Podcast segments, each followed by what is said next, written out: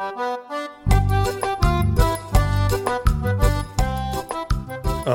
der er den igjen, den Ja. billig-varianten. Ikke den mest populære delen av Nei, vi, du, kan si, du kan si en ting, Frode. Vi har ikke mange lyttere, men vi har allerede fått ganske mange klager på den ræva åpningstunen.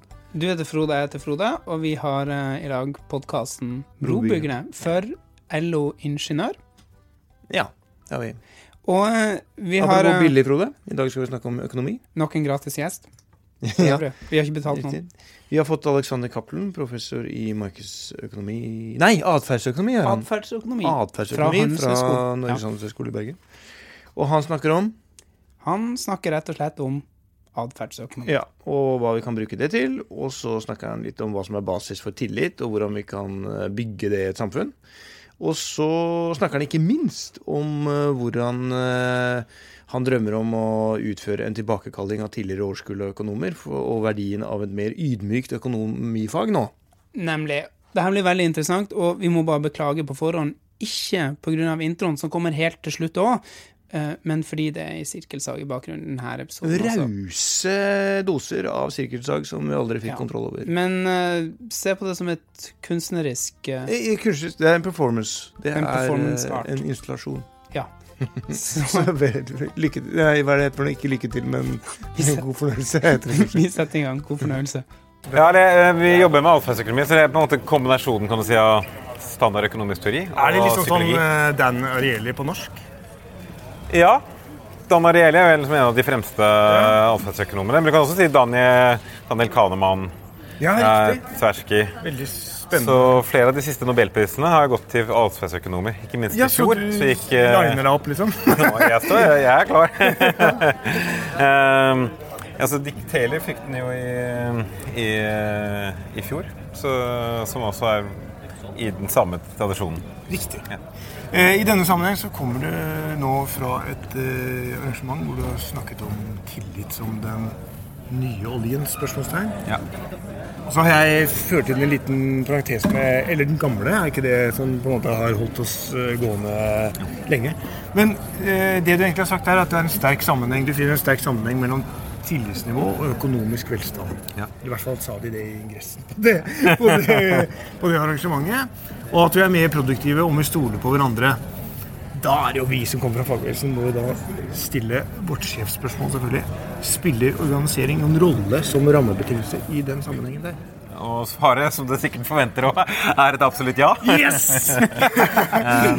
Og jeg tror en viktig del av eh, En viktig ressurs for Norge er jo den de rammene som fagbevegelsen og egentlig det gode forholdet mellom arbeidstakersiden og arbeidsgiversiden eh, eh, har, har gitt. Eh, Men, unnskyld at jeg avbryter, men dette har vi en tendens til å snakke om i makro. Altså at det er i inntektspolitisk samarbeid ved oppgjørene hver vår at dette er viktig. Da er det stat, det er eh, arbeidsgiver og arbeidstaker, eh, alias da NHO og LO på en måte. Ja. Men hvor vi, jeg, er litt, jeg vil gjerne til at vi skal Eller jeg skal spørre deg, da, som kan dette. Er det ikke minst like viktig hva vi gjør på bedriften til daglig? Altså Partssamarbeidet på den enkelte bedrift og hovedavtalen øh, som rammeverk for det. Så Et hovedpoeng som, eh, som vi snakket mye om i, i dag på foredraget, det er jo at tillit, basisen for tillit, det er tillitsverdighet. Og det at når folk har lyst til å gjøre det riktige. Nå, hva er det som gjør, som skaper lojalitet hos, eh, hos arbeidsta arbeidstakere? Og det er jo en opplevelse av at de blir handlet på en god måte. Og her kommer jo lederlønnsdebatten inn, f.eks., som var et viktig tema.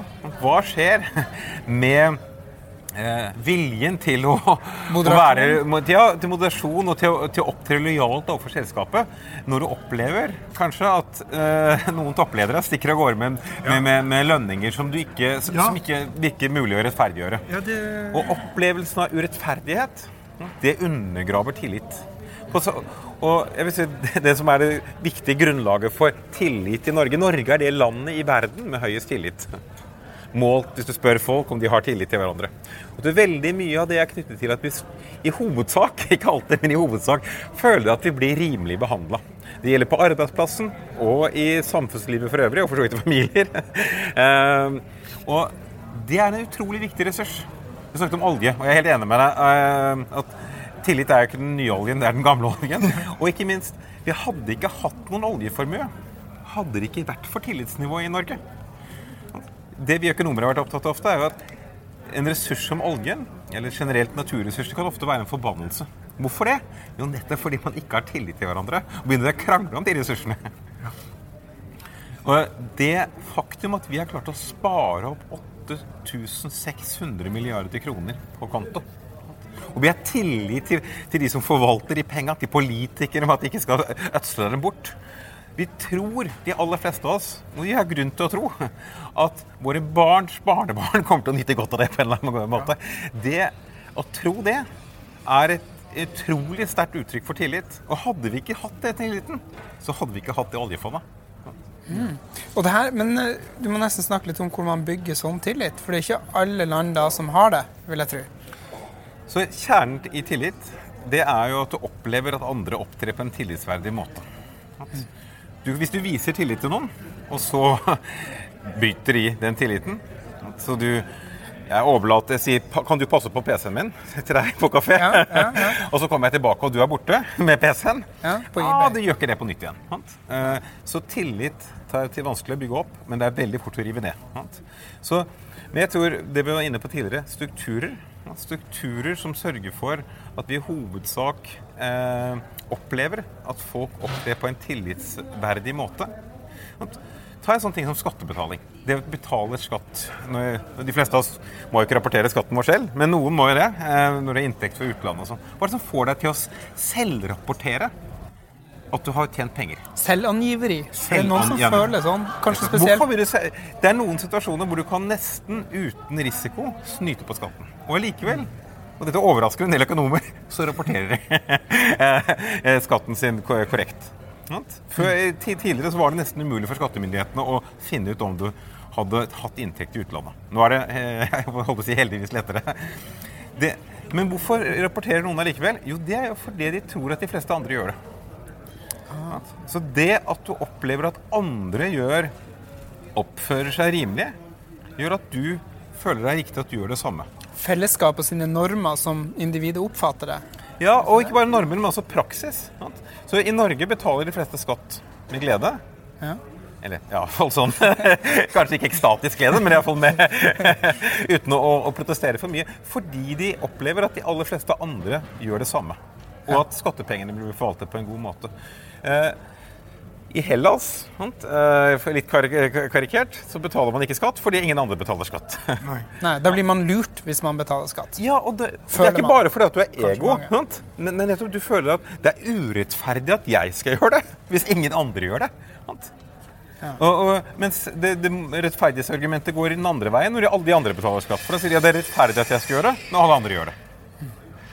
Det, det der prinsippet der om å gjøre som, det som alle andre gjør, det er ja. jo et av flere litt sånn nøkkelprinsipper. Ett ja. et er jo dette med gjensidighetsprinsippet. Altså. Eh, jeg behandler deg bra, da behandler du meg bra. Hvor viktig mener du det er for liksom evnen til profitt, omstilling og innovasjon? Det, den motivasjonen der, gjengjeldelsesideen mm -hmm. Jeg er snill mot de som er snille med meg, slem med de som er ja, slemme med meg. Det er jo et grunnleggende med menneskelig trekk. Ja. For jeg er hardwired til å gjøre dette. Og du ser det samme trekkene faktisk hos dyr også. Det her er en veldig viktig mekanisme på en måte for å bygge eh, tillit. Ja. For det, det, skaper den dynamikken som jeg har snakket om, som en positiv sirkel. For hvis jeg da ser at det opptrer på en god måte mot meg, ja, så har jeg ønske om å gjøre det samme. Det er en positiv sirkel. Men den kan jo gå den andre veien òg.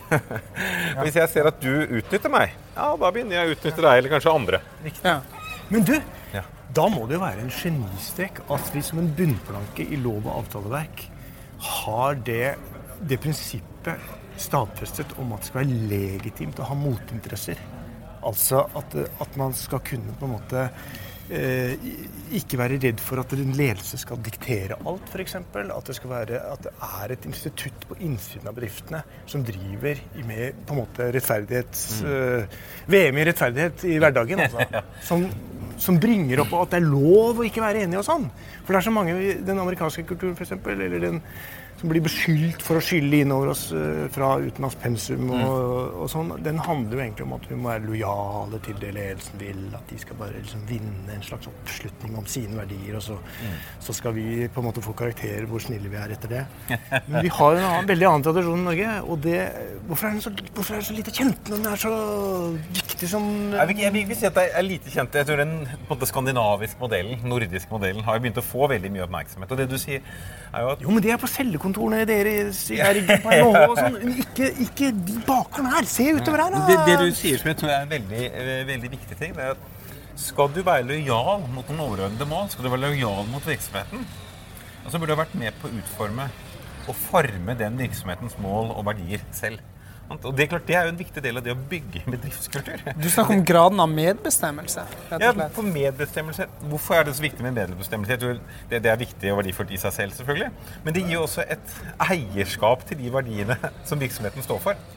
Og når du har det eierskapet, ja, da har du en lojalitet. Og da behøver ikke arbeidsgiver å sitte på skulderen og passe på hele tiden. Og det tror jeg Den eh, gevinsten der sant? Vi kan ikke, og vi ønsker ikke et, arbe et arbeidsliv hvor arbeidsgiver sitter og kontrollerer og passer på hele tiden. Og det er, det er det du må ha hvis du har et system uten det, tillit. Ja. Ja, For et da- fordyrende kontroll. Det blir for, veldig fordyrende, og det, det er igjen selvforsterkende. For når du ikke viser tillit, altså hvis du sier 'jeg må passe på deg hele tiden', ja, da sender du jo det signalet til det arbeidstakere om at du er ikke særlig tillitsverdig. Eh, Jeg tror ikke du er særlig tillitsverdig, jeg må passe på deg hele tiden. Ja, da det, det, det blir en eh, selvoppfyllende profeti. For når folk eh, Når du sier det til folk, så tenker jeg ja, han stoler ikke noe på meg likevel. Det er ikke noe vits i å, å vise noe, å være tillitsverdig heller. Riktig. Men igjen, hvis du viser tillit og det har vi sett når vi studerer denne typen situasjoner eksperimentelt, i økonomiske eksperimenter. Da ser vi akkurat det. Hvis du gir folk tillit og sier 'jeg stoler på deg', så er folk mye mer tilbøyelige til å opptre på en nice måte eh, enn hvis du sier jeg, skal, 'jeg stoler ikke helt på deg, jeg skal prøve å ta noen kontrollsjekker innimellom'. Men vi må stille et, et, et spørsmål om atferdsøkonomi. Hvis du skulle forklare det på to, to setninger, hva det er for noe? For alle har hørt om økonomer. Ja. Makroøkonomer, alle hørt, eller samfunnsøkonomi. Men hva er det du gjør som er så spesielt? Ja, nå er det ikke bare meg som gjør det. Den Nei. store revolusjonen innenfor økonomifaget de siste 20-30 årene har vært at vi har forlatt de eh, veldig forenklende teoretiske modellene som antok at alle bare var opptatt av sine- egne penger og var utelukkende Interesse, egeninteressekonseptet. Ja. Og så har vi så atferdsøkonomi i to år er egentlig sammensmeltingen av økonomi og psykologi. Så vi tar mye av innsikten fra psykologi som forteller oss at mennesket er mye mer komplekst enn det vi kanskje trodde. Både når det gjelder motivasjonen vår. Vi er motivert av veldig mye mer. Vi er interessert ikke bare i penger. Vi er interessert i penger òg, for det er viktig. Men vi er også interessert i å ha noe meningsfullt å gjøre. Og vi er opptatt av å gjøre det riktige og rettferdige. Og så veier folk det litt forskjellig. Og så gjør vi ikke alltid så smarte ting. Vi gjør av og til feil. Du nevnte Dan Ariely, som har skrevet en veldig morsom bok som heter 'Predictable the Irrational'. Altså forutsigbart irrasjonell. Vi gjør ikke bare at vi av og til gjør feil, men vi gjør systematiske feil. Mm. Så Som hva da, eksempel? Hvis jeg lover å spørre. Absolutt. Når jeg legger planer i tidlig januar om hvor mye jeg skal trene uh, det kommende året, og jeg til og med bes- gjør noen innkjøp, jeg kjøper en treningsmaskin i kjelleren og sånt, som basert på hvor mye jeg planlegger, så tar jeg feil. Men det er ikke bare det at jeg gjør feil, jeg gjør systematisk feil. Det er ikke sånn at jeg noen år trener mer enn jeg planla, noen år mindre. Nei, hvert eneste år mindre. uh, og den typen uh, systematikk, det bryter med grunnleggende prinsipper om rasjonalitet. For jeg, jeg burde ikke kjøpt det abonnementet på treningsstudio hvis jeg visste at jeg bare kom til å trene annenhver uke en gang. Eh, og det, det, det er veldig det er veldokumentert. Uh, og så gjør vi uh, som jeg sa, og en, Så det er litt, kanskje litt sånn negative bilder. Vi er, vi, er, vi er ikke så smarte som vi trodde. Det fine er jo at vi er mye snillere enn vi trodde. Så standardteorien har jo sagt at du putter folk i en situasjon hvor det er mulighet for å, for å ta fra den andre uten å bli oppdaga. Så gjør du det. Men hvis du gjør det eksperimentelt, putter folk i en sånn situasjon, jeg gir deg muligheten til å ta 1000 kroner fra ham. Og han kan ikke vite at det var du som gjorde det. Han kan aldri hevne seg på det. det skylder på noen andre uansett. Nettopp, ikke sant? Dette er jo som en hendelse i hverdagen fra, fra vårt Nei. Ja. jo, men det er mange sånne typer situasjoner. Og de, økonomisk teori, tradisjonell økonomisk teori sier at alle vil utnytte sånne muligheter. Ja. Det finner vi ikke. Veldig mange opptrer eh, eh, overraskende moralsk. Kanskje ikke overraskende for, for, for, vanlige folk, men for økonomer var dette et stort sjokk. Eh, så vi er snillere og dummere enn vi trodde. Så økonomien har blitt mer praktisk anvendbar, tenker du? Altså det som jeg tror skjedde mye, var at økonomien gikk fra å være et veldig teoretisk fag til å bli et empirisk fag hvor vi faktisk sjekket hvordan verden var der ute. Og når vi begynte å sjekke hvordan verden var der ute, og hvordan folk faktisk var, så oppdaget vi hm, det var mye her som ikke stemte med det som sto i læreboka. Og da blir det på en måte også mer praktisk. fordi det er klart en god det, det som er bra praktisk, er, er jo når teorien stemmer med, med, med kartet. Mm. Og her har vi bommet. Hvis du har For å gå tilbake til lederlønninger og sånne ting. Hvis du har en idé om hvordan du skal utforme belønningssystemet ved en virksomhet, og ikke ta hensyn til en sånn ting som at folk blir provoserte og sure når de ser at andre plutselig får veldig mye ja, mer enn dem. Ja, at de ikke bryr seg. Folk bryr seg om relativ lønn, ikke bare absolutt lønn. Alle veit det. Du kan være kjempefornøyd med lønnen din, men så plutselig oppdager du at, at naboen eller kollegaen din, som eh, ikke er noe flinkere enn deg, tjener mye mer. Ja, da blir de sur, og da blir de demotivert. Den typen innsikt må du jo ha. Hvis du ikke har fanget opp det, så har du mistet noe veldig viktig. Og da blir jo altså faget mye mindre praktisk. Ja, for at når vi snakker om økonomifaget, mm. Så, så, snakker vi om hvordan vi skal anvende det ikke bare i Norge, men i, i hele verden. Eh, og så er det da hvis du snakker om at den, den skandinaviske, den nordiske velferdsmodellen har mm. blitt mm. sett på mye, kanskje spesielt pga. Eh, det tillitsbaserte mm. osv. Men er det ikke en fare her Eh, fordi at siden vi er fra Norge, og vi har den modellen, at det blir en sånn bias i forhold til hva vi mener er det riktigste, også innenfor økonomifaget.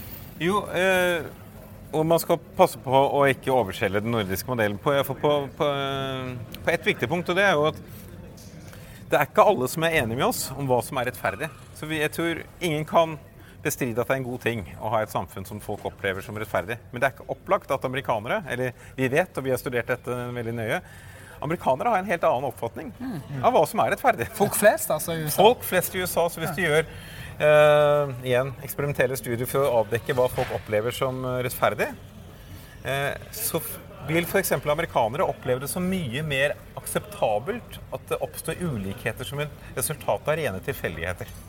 De fleste nordmenn vil si hvis du har to mennesker som jobber, og så skal du få en bonus, så slår jeg kron og mynt.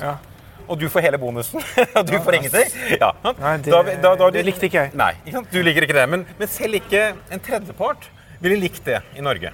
Så vi, vi, vi, I denne situasjonen så vil 80% av nordmenn si nei, det her går ikke. Vi omfordeler helt likt. Så det er veldig liten politisk enighet. Uh, USA så er bildet veldig annerledes. Uh, mange, og et flertall som vil akseptere ulikheten selv om det bare skyldes flaks. Fordi vi har en mer sånn liberal, liberalistisk holdning til det. Så tenker jeg ja, sånn skjer. Hvorfor skal vi gripe inn? Det har jo ikke vært noen uh, som har stjålet fra noen. Det er bare at han ene hadde flaks og han hadde uflaks. Det må jo være akseptabelt. Og det er, viktig når vi tar med oss eh, og skal sammenligne oss med andre land, at det er ikke opplagt at alle har de samme oppfatningene av hva som er et godt samfunn, som det vi har. Mm. Uh, uh, ja. Veldig interessant. Uh, jeg vil litt tilbake, hvis jeg kan, til det du snakket om at dere hadde tatt inn over dere en del hentet eh, elementer i faget fra psykologi osv. Ser man da konturene av et litt, litt mer ydmykt eh, økonomifag med noen uh, litt mer ydmyke økonomer? Er, de har en 50-årsperiode nå tatt veldig mye plass. De har øh, følt seg veldig viktig som øh, premissleverandører som ikke skal sies imot. Bla, bla, bla. Ja. En, en del sånne ting. Eh, mitt klare svar er ja eh, til det. Og jeg tror Nå er det to av to jeg har fått eh, ja. ja, jeg har fått begge. Pling, pling, pling. Ja. Nei, men, men eh, og, og, og, på en viktig måte. For det er klart vi Jeg spøker av og til med at vi jeg burde kanskje sette inn en sånn NHH. Burde sette inn en helsides annonse i DN. Sånn som de gjør bilprodusentene når de har laget en sånn feil på, på bilen og bremsene ikke virker og sånn. Så står det sånn Toyota tilbakekaller 150 000 biler. At vi kanskje burde ha en sånn helside hvor vi ser NHH, og ikke bare NHH, men antagelig ja, tilbakekaller de og de årskullene med studenter. For de har fått et de har fått, uh, ja. Særlig de som driver de lederlønningene, ikke har skjønt det som du snakket om i sted. med de der... Uh... Dette tror jeg, det å få en oppdatering uh, Om vi blir så veldig mye mer ydmyke, selvfølgelig det, det kan man diskutere, men vi har fått mye Vi lytter mye mer til andre fag. Og ikke bare snakket om psykologi, men jeg tror også koblingen her med, til sosiologi er, er, er liksom den nye store bølgen innenfor faget. For det er jo ikke bare sånn, ja, nå, Vi snakket om at vi er forskjellige i Norge og USA, men hvorfor er vi det? Hvor kommer de forskjellene fra? Og hvorfor er du og jeg forskjellige? Ja. Du, vet du hva? Det er så, Vi inviterte Alexander, til tre minutter, og nå tror jeg nesten vi har stått her en halvtime. Ja. Vi står her i 20 minutter, og det er bra, det. Ja. Eh, det bare sier om hvor jævlig spennende det er å snakke med Jeg tror bare... Takk for at du kom. Veldig hyggelig. Må dere ha en fin, uh, fine dager her videre. Ja, Tusen takk. bra, Selv, selv takk. Ikke ei eh, perfekt avslutning eh, på intervjuet vårt, men med en perfekt gjest, Frode. Ja, og nok en uh, fan av vår norske arbeidslivsmodell. Ja. Og det betyr jo at man trygt kan organisere seg for de som Eller tipse oss å organisere seg for de som er uorganisert. Eksempel i et LO-forbund. ja. Og så må du huske en annen ting også. Du må huske å dele podkasten vår. På sosiale Eh, medier. Til så mange som bare det. Og et- kanskje til de ja. som ikke vil ha den. Ikke sant? Ta et bilde av deg sjøl på Snapchat av podkasten mens du hører på Oh, podkasten. yeah. Ja. Very good. Og så Takk for at du lytta. Ja, høres igjen. Vi høres Takk for igjen. nå.